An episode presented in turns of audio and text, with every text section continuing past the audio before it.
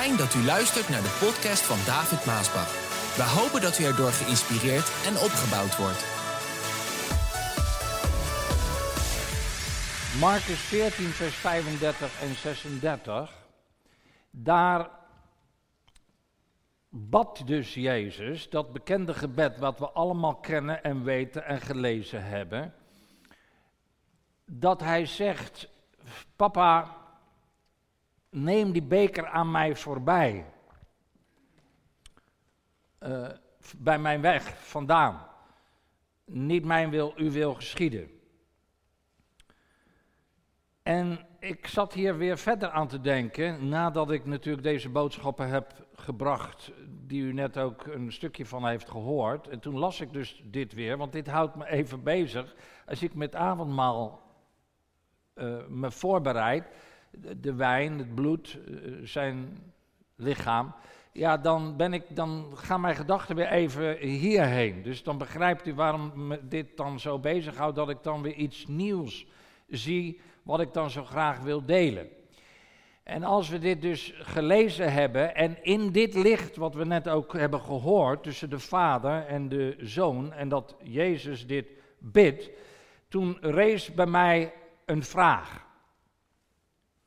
een vraag. Was het gebed van Jezus tegenstrijdig met de wil van de Vader? Dat vind ik een, een mooie vraag die kwam in het licht van dit gebed dat Jezus aan de Vader vraagt: Papa, alsjeblieft, laat die beker, die vuile, vieze, stinkende beker aan mij voorbij gaan. Maar niet wat ik wil, maar wat u wil geschieden. Was dat gebed tegenstrijdig met de wil van de Vader? En toen ik dat aan zat te denken en ik las het nog een keer. Ja, het was of de Heer mij dat ineens liet zien. Nee, het was niet tegenstrijdig, wat het lijkt als je dit leest tussen de zoon en de vader. Omdat de vader net zo'n weerzin tegen die beker had als de zoon. De vader die haatte die beker ook. De vader had ook zo'n weerzin tegen de vuiligheid en de viezigheid wat wij zonden noemen. Het was de vader die net zo'n weerzin tegen de zonde heeft als Jezus de zoon. Want het, zie je, dat hele zondeconcept, dat is het hele probleem. Dat is het hele probleem.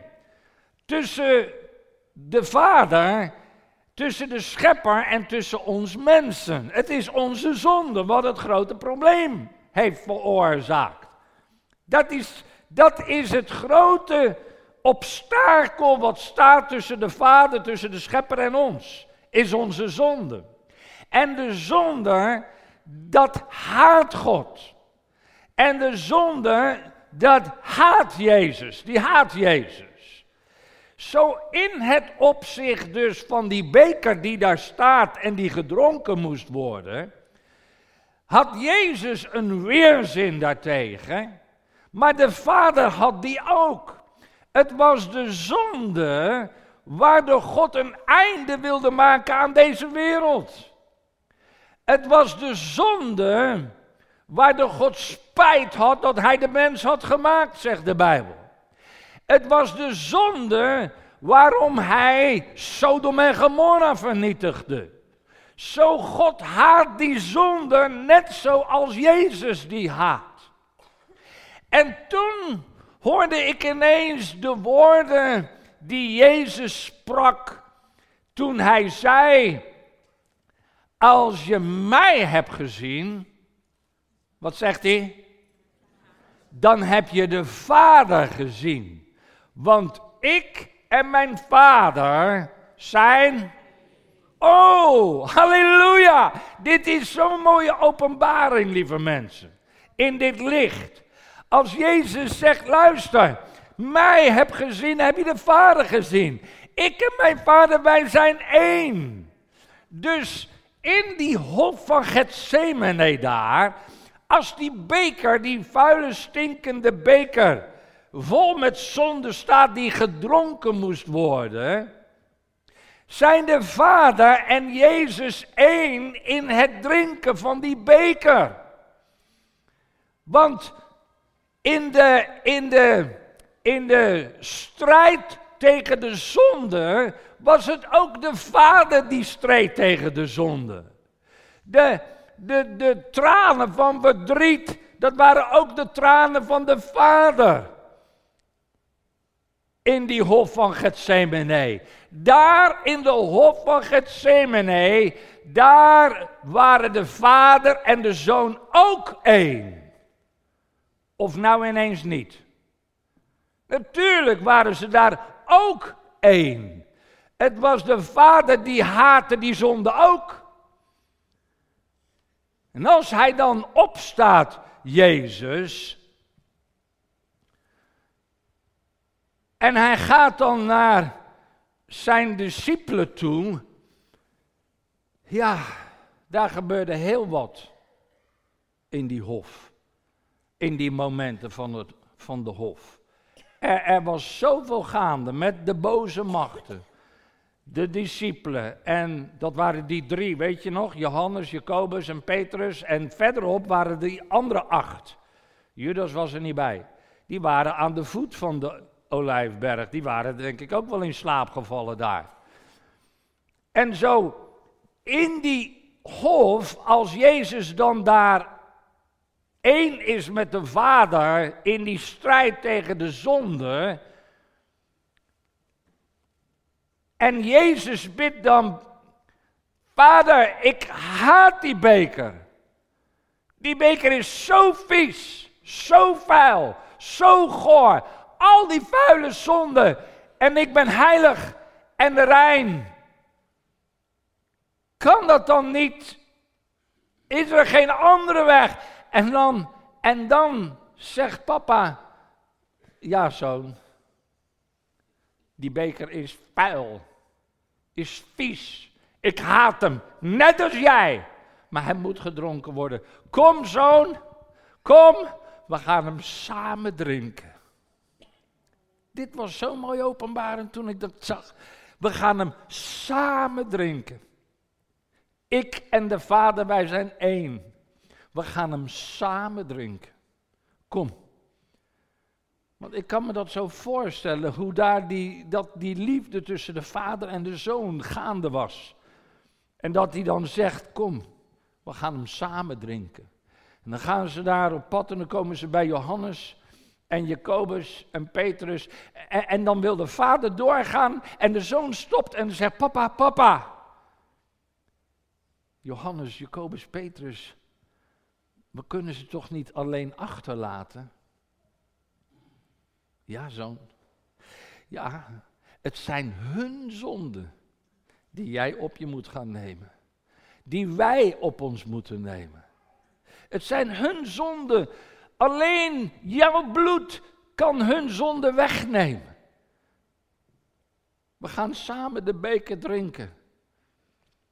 Weet je, toen ik dit zag, hè, tussen, tussen dat momentum, hè, dat Jezus naar zijn discipelen ging en dat zijn discipelen daar sliepen.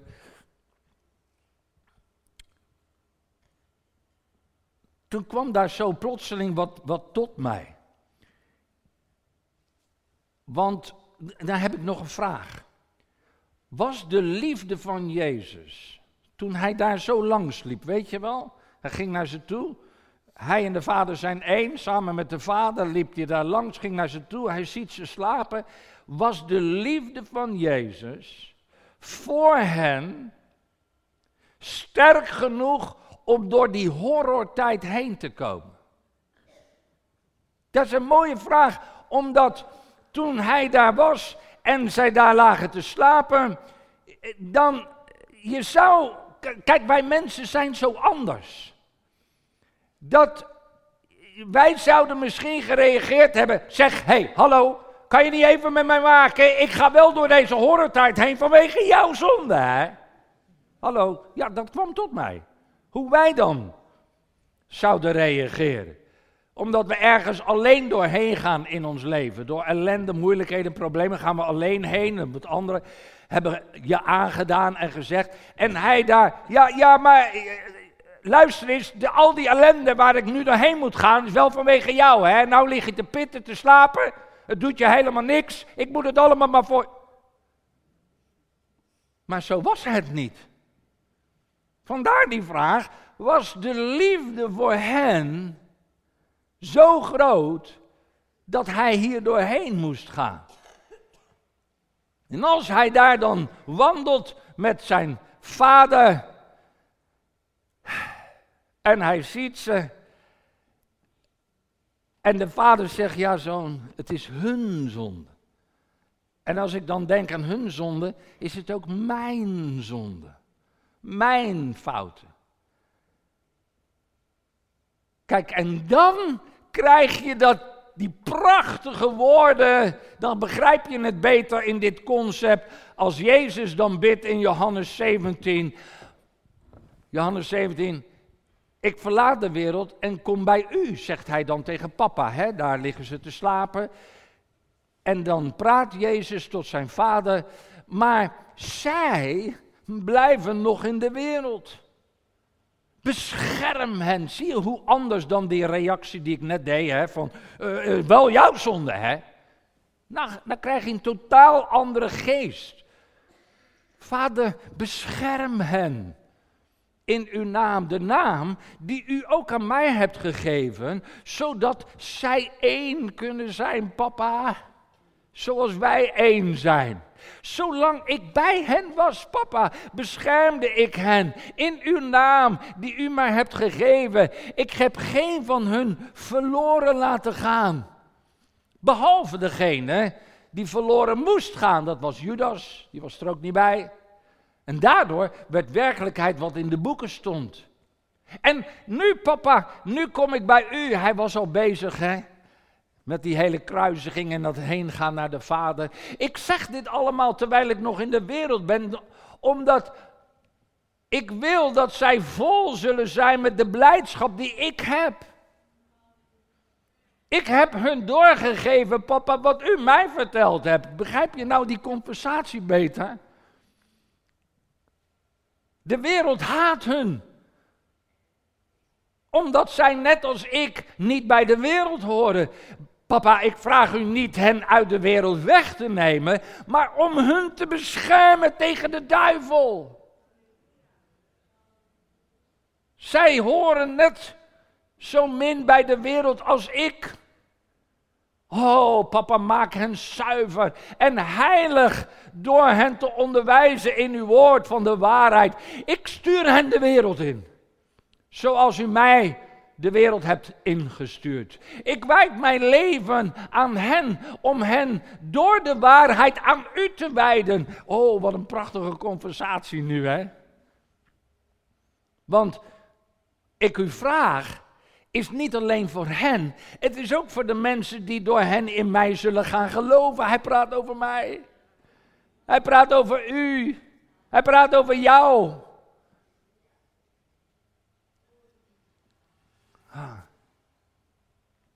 Ik vraag u, Vader, of zij net zo één mogen zijn als u en ik.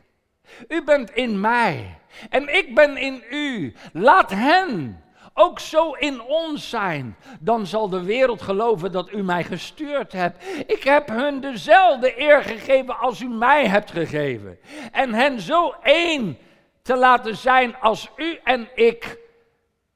Doordat ik in hen ben en u in mij, zullen zij volmaakte eenheid zijn. Dan zal de wereld erkennen dat u mij gestuurd hebt en dat u net zoveel van hen houdt als mij. Papa, dat u net zoveel van hen houdt als van mij. Zie het hart van Jezus? Vind je het niet prachtig, lieve mensen, wat zo in die hof van Gethsemane komt? En als hij dan bij de discipelen komt dan zegt hij in Lucas 22, hoe is het nou mogelijk? Slapen jullie? Bid dat God jullie niet in verleiding laat komen. Ja, drie jaren, drie jaren heb ik met je gewandeld.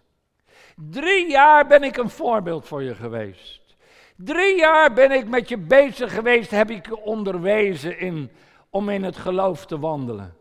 Drie jaren heb ik je voorbereid. Drie jaar ben ik bezig geweest om te proberen je te veranderen. Maar nu slaap je? Kan je nog niet één uur met mij waken? Nee.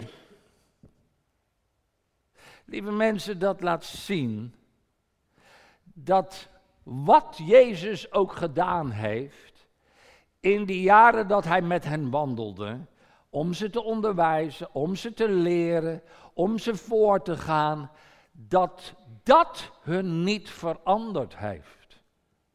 Want nog altijd waren ze niet in staat om maar één uurtje met hem te waken. En dan zegt Jezus, oké, er is geen andere manier om ze te veranderen.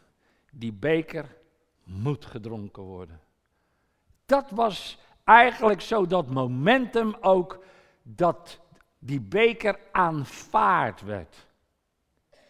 Want daarvoor bad, net daarvoor bad hij toch?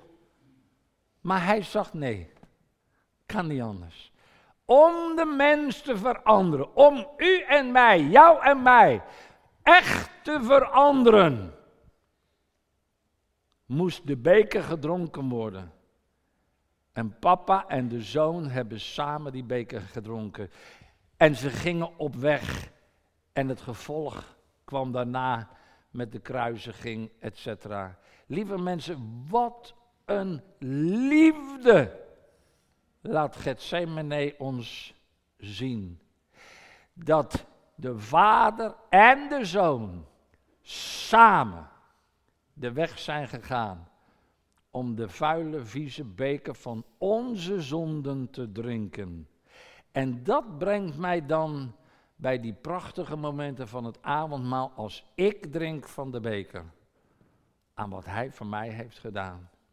Terwijl ik het niet waard was. Terwijl ik net zo zondig en vuil en slecht als de discipelen waren. Maar Jezus heeft het gedaan. En hierin zijn de Vader en de Zoon één. Amen.